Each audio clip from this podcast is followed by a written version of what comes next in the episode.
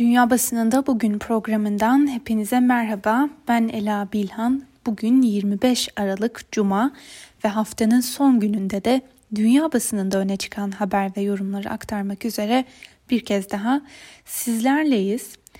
Bugün bültenimize her zaman yaptığımız gibi Amerikan basınının en önemli gündem maddelerine göz atarak başlayalım.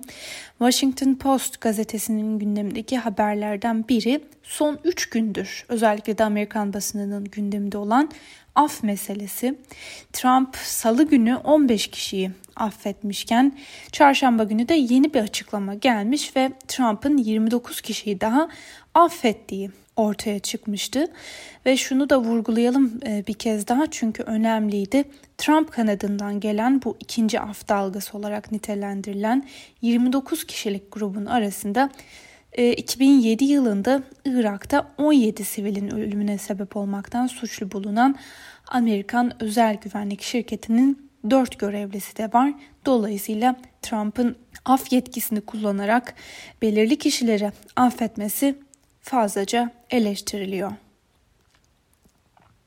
Washington Post'un bu konudaki yorumuna göre Trump kendisine sadık kişileri ödüllendirmek ve belirli savcıları baltalamak için af yetkisini kullanıyor. Başkanın bu agresif merhamet kullanımı kişisel kazançları için gücünü nasıl ve ne yönde kullandığını da bir kez daha gösterdi. Bu konu New York Times gazetesinin de bugün bir kez daha önemli gündem maddeleri arasında yer alıyor. Gazete bu konuda bir analiz yapmış. Mağlup bir başkanın affettiği bu kişiler sisteme yönelik bir şikayet niteliği taşıyor. Başkan Trump'ın son afları kendisine ve müttefiklerine haksız davrandığına inandığı bir sisteme saldırmanın yollarından biri. ABD'de aşı dağıtımına geçtiğimiz pazartesi günü başlanmıştı. Son olarak Amerikan basınında öne çıkan haberlere göre Pfizer şirketi ABD ile 100 milyon dozluk ek bir aşı anlaşması imzaladı. Şimdi ise eyalet yetkilileri kimlerin öncelikli olarak aşı olacağını planlıyor. Ancak Washington Post'a göre aşının öncelikli olarak kimlere yapılacağını algoritmalar karar veriyor ve gazete bu yöntemin güvenilirliği konusunda da endişeli. Bir diğer yorumda ise şöyle deniyor. Politikacılar kamuoyuna güven vermek için erkenden aşı oldular ama kızgın sağlık emekçileri hala beklemede.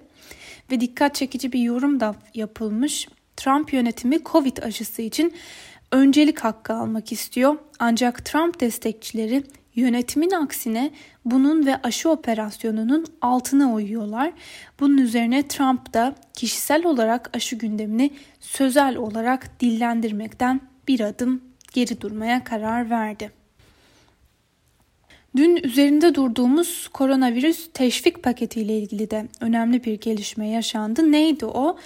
Ee, son olarak kongrenin onayladığı 900 milyar dolarlık yardım paketi Trump'a gönderilmiş fakat Trump hiç beklenmediği bir şekilde belirli düzenlemelerle bu paketin yeniden yazılmasını istedi. Yani kısaca kongrenin hazırladığı bu 900 milyar dolarlık paketi onaylamamıştı. Ve Amerikan basınında Trump'ın bu hamlesi son dakika kazığı, son dakika golü olarak tanımlanırken ekonomik destek bekleyen birçok kişi ve kurumun da bu durumdan mağdur olacağına dikkat çekiliyordu. Bu nedenle de Trump eleştiriliyordu. New York Times'ın yorumuna göre Trump'ın salgın destek paketini reddetmesinin ardından ekonomide yeni sıkıntılarda baş gösterdi. Ve bir gelişme daha yaşandı. Trump'ın paketi onaylayamayacağını söylemesinin ardından Temsilciler Meclisi'ndeki demokratlar Trump'ın da taleplerinden birine paralel olarak Amerikalılara doğrudan ödemelerin yardım paketinde yer alan kişi başına 600 dolarlık miktardan 2000 dolara çıkarılması için bir girişimde bulundu. Ancak Cumhuriyetçiler miktarın arttırılmasını itiraz ediyor ve bu girişimi de engellediler. Böylece kongre üyeleri yardım paketinde Trump'ın talep ettiği bu değişikliği Cumhuriyetçiler nedeniyle reddetmiş oldu. Washington Post'un bu konudaki yorumuna göre taraflar arasındaki siyasi itiş kakış Başkan Trump'ın tasarıyı imzalamayı reddetmesinin Washington'da nasıl bir kriz yarattığını da gösterdi. Gelelim dünya basınının gündemine oturan bir diğer habere. Britanya ve Avrupa Birliği Brexit sonrası ticaret müzakereleri konusunda anlaştı.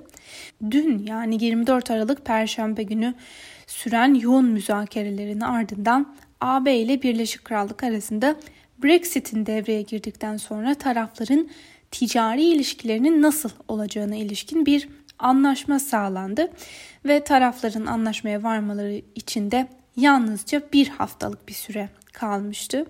İngiltere'de yayınlanan gazeteler veya Avrupa bu gelişmeyi nasıl değerlendiriyor birazdan bakacağız ama önce New York Times'ın bu konudaki yorumuna da göz atalım. New York Times'a göre anlaşmaya varılması özellikle de Avrupa Birliği'nin yararına oldu. Varılan anlaşma Avrupa Birliği'ni koruyor ve Bloğ'un Britanyasız geleceğine bakmasına da izin veriyor. Gelelim bu gelişmenin İngiliz basınındaki yankılarına. BBC'nin haberine göre anlaşmanın detayları henüz tam olarak netleşmemişken İngiltere'den bir yetkilinin basına verdiği bilgiye göre sıfır gümrük vergisi ve sıfır kota öngören AB içindeki en büyük ticaret anlaşması gerçekleştirildi.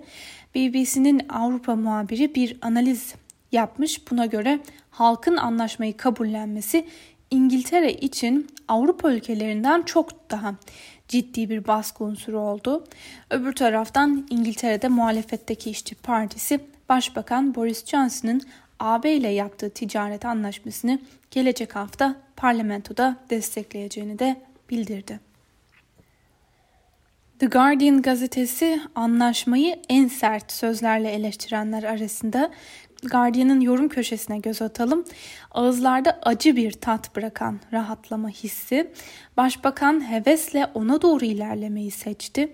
Olası felaketin çok net olduğu bu girişim nedeniyle Johnson övgüyü hak etmiyor.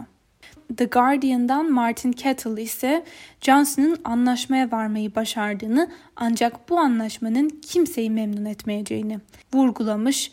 Tom Kibasi ise anlaşmayı şu sözlerle eleştiriyor. Sonunda bir Brexit anlaşmamız var ve bu gerçekten sandığımız kadar kötü olacak. Ticareti zorlaştıracak ve birçok işi yok edecek olan bir anlaşma bu. Emek bu gelişmeye karşı çıkmalı. Alman basınından Frankfurter Allgemeine Zeitung anlaşmaya varılmasını şu sözlerle ele almış. Johnson uzun bir süredir ağır bir baskının altındaydı. Anlaşmasız ayrılık ihtimalinin gündeme gelmesiyle eleştiriler giderek artmıştı. Bununla beraber mutasyona uğradığı belirlenen virüsün İngiltere'de yayılması ve vaka sayılarının hızla artması da Johnson'a yönelik yeni bir meydan okuma olarak görülebilir. Son olarak anlaşmaya varılması Johnson'ın üzerindeki baskıyı bir nebze de olsa azaltacaktır. Süddeutsche Zeitung İngiltere Brexit için ağır bir bedel ödüyor diye yazarken Alman Zeit gazetesi ucu sadece şirketlere değil öğrencilere ve yolculara da dokunacak yorumunu yapıyor. Welt'e göre ise anlaşma her yönüyle mükemmel olmasa da anlaşmasız Brexit ayrılığından çok daha iyi. İngiltere'nin bir diğer gündemi de mutasyona uğradığı tespit edilen virüs. Önceki günlerde İngiliz hükümetine tam kapanmaya gidin yoksa yeni bir insani felaket yaşanacak çağrısında bulunan Guardian gazetesi son olarak şu yorum yapıyor. Seyahat yasakları yeni virüse karşı etkili bir yöntem değil. Öte yandan BBC'nin haberine göre İngiltere'de koronavirüs salgınında vaka sayısı artmaya devam ediyor. Öyle ki Ulusal İstatistik Bürosu'nun verilerine göre ülke çapında 85 kişiden biri enfekte olmuş durumda.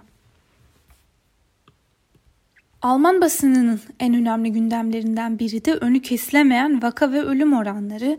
Dün son olarak 802 kişi hayatını kaybetmişti ve Welt gazetesinin haberine göre Almanya Avrupa'nın en ciddi korona sorunlu ülkesi haline geldi.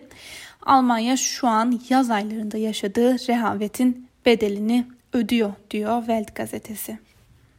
Fransız basınında son günlerde aşı pasaportu gündemde. Dün Le Figaro gazetesinden aktardığımız haberde de demiştik ki Fransa'da aşı pasaportu tartışmaları meclis gündemine de geldi. Çünkü 2021 Nisan ayında yavaş yavaş olağanüstü hali kaldırıp normale dönmeyi planlayan Fransa hükümeti sağlık alanında yeni bir yasa tasarısı hazırlıyor.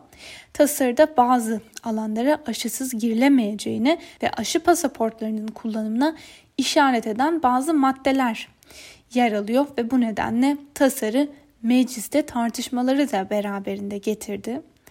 Muhalefet hükümetin aşıyı zorunlu kılmaya niyetli olduğunu ve salgınla mücadele adı altında özgürlükleri kısıtlayıcı hamleler yaptığını savunuyor. Bu tartışmalar günlerdir konuşuluyor ve tartışılıyor. Son olarak Le Monde gazetesi de bu konuda bir haber paylaşmış. Buna göre Sağlık Bakanlığı ve hükümet yetkilileri aşının zorunlu olmayacağı yönünde açıklamalar yapıyor. Ancak hükümet aşının zorunlu kılınamayacağını savunsa da aşıya bağlı hareketliliğin aynı kapıya çıkacağı düşünülüyor Le Monde'un haberine göre.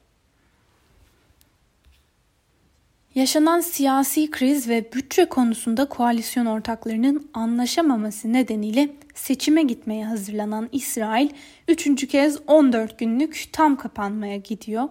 Kararın bakanlar tarafından da onaylanacağı tahmin ediliyor. Karara göre İsrail pazar gecesi kapanacak ve bu arada şu bilgiyi de hatırlatalım. Önceki günlerde de söylemiştik. İsrail ulusal çaplı aşılamaya da önceki günlerde başlamıştı. İsrail basınından Yerusalem Post gazetesi seçimlere dair önemli bir yorum yapıyor. Daha önceki haftalarda yeni yapılacak olası bir seçimin sonucu değiştirmeyeceğini savunan gazete bugün farklı bir görüş yansıtmış.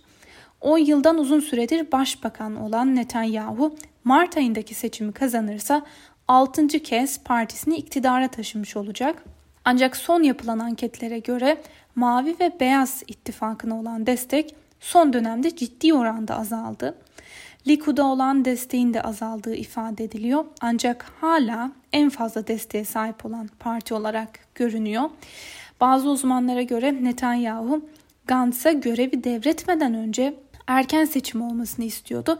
Ancak bunun Mart ayından ileri bir tarihte olması daha çok işine yarayacaktı. Çünkü ülkede başlayan geniş kapsamlı aşılama çalışmasının sonuç verdiğinin görülmesi bir sonraki seçimde Netanyahu'nun elini güçlendirecekti. Ve gazetenin vurguladığı önemli bir nokta daha var. Önceki günlerde de söylemiştik. Netanyahu'nun Likud partisinin eski bir milletvekili olan Gideon Sar da başbakanın karşısına çıkan başka bir zorluk olacak. Sar kendi sağ partisini kurdu ve bu partinin Likud'un tabanından da oy çekmesi bekleniyor. Gazeteye göre ilk anket sonuçları Sar'ın yeni partisinin Netanyahu'yu koltuğundan bile edebileceğine işaret ediyor. Yeri gelmişken ekleyelim New York Times gazetesi de İsrail seçimleriyle ilgili şu yorumu yapmış. Muhafazakarlar muhafazakarlara karşı. İsrail'deki 103 FM radyosunun yayınladığı bir kamuoyu yoklamasına göre Netanyahu'nun partisi Likud'un bugün seçim olması halinde yarışı önde tamamlayacağı ancak sandalye sayısının 33'ten 25'e düşeceği tahmin ediliyor. Likud'dan ayrılan Gideon Sar'ın kurduğu Yeni Umut Partisi'nin oylarındaki artışın ise devam ettiği aktarılıyor. Yeni Umut Partisi'nin seçimdeki ikinci parti olacağı ve 22 milletvekiliyle mecliste yerini alacağı da ön görülüyor. Rus basınından Moscow Times'a da kısaca göz atalım. Bağımsız bir araştırma şirketinin yayınladığı anket sonucuna göre Rusların yarısı Navalny'nin zehirlenmesiyle ilgili iddiaları şüpheyle yaklaşıyor. Buna göre Rusların neredeyse yarısı muhalefet figürü Alexei Navalny'nin zehirlenmesi olayını Batı'nın organize ettiğini veya aslında Navalny'nin hiç zehirlenmediğine inanıyor. Bu kişiler aynı zamanda bunun kurulan bir tezgah olduğuna ve sürecin Batı'nın bir provokasyonu olduğunu savunuyorlar. Ankete katılanların sadece %15'i Navalny'nin söylediği gibi bir siyasi tehlikeyi ortadan kaldırmak için Rus yetkililer tarafından zehirlendiğine inandıklarını söylüyor. ve son olarak Çin basınından Global Times ise bugün Çin'de üretilen ve Türkiye'de de tartışmaları beraberinde getiren Sinovac aşısını gündemine taşımış. Global Times'e göre insanlığın Sinovac aşısı olmadan salgını yenmesi epey zor. Öncelik krizi atlatmaktır. Ancak Batı medyası ilk günden bu yana Çin'in ürettiği aşı konusunda şeffaflık konusunu gündeme getiriyor. Ancak Çin aşısının bu süreçte oynayacağı önemli rolü herkes öngörebilir diye yazmış Global Times bugünkü köşe yazısında. Sevgili Özgürüz Radyo dinleyicileri, Çin basınından aktardığımız bu haberle birlikte bugünkü programımızın da sonuna geldik. Programımızı kapatmadan önce küçük bir hatırlatma da yapalım. Özgür Öz Radyo'nun birçok içeriği gibi Dünya Basında Bugün programını da hem Apple Podcast hem de Spotify üzerinden her an dinleyebilir ve her an dünya basınında yaşananları takip edebilirsiniz diyelim. Ve bugünkü programımızı da böylece noktalayalım. Haftaya pazartesi günü aynı saatte tekrar görüşmek dileğiyle. Şimdilik hoşçakalın.